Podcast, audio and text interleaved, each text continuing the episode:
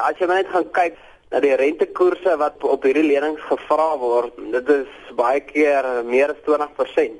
As jy daai hoë rentekoerse moet betaal, definitief dan gaan jy die kans dat jy spaar aan die einde van die maand gaan dan redelik skraal wees. As jy kyk na die African Bank en Capitec en Alliance wat mos nou maar die ongesekereerde lenings en langkomste mark bedien. As jy net kyk hoe daai ouens gegroei het oor die laaste paar jare, kan jy sien hulle het gegroei uit geld wat van elders af gekom het. So uh, as die ouens het gespaar het in spaarprodukte in plaas van om die lenings aan te gaan en sou daar baie waarde meer in die ouens hande gesit het.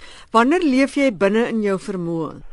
Ek sou sê jy leef binne in jou vermoë as jy ehm um, al jou uitgawes kan dek en dan nog 15 tot 20% oor het om te kan spaar in 'n maand.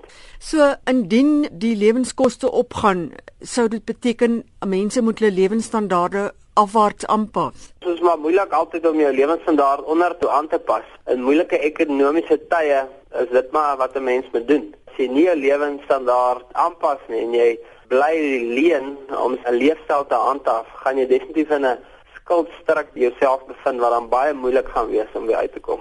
Nou sê daar tog baie mense, die wat genoeg spaar word so belas dat hulle dink die spaar was verniet. Ek dink dit seker oop vir debat. Ek dink as jy in die regte spaarprodukte was veral oor die afgelope 10 tot 20 jaar, dan het die ouens baie goeie opbrengste op hulle spaarprodukte gekry. En veral as jy in spaarprodukte belê soos aftreeanniteite en pensioenfonde daar waar jy nog belastingverligting ook kry. Sou ek nie heeltemal met daai standpunt staan sien nie. Wanneer spaar 'n mens korrek om vir jou ou dag genoeg geld te hê?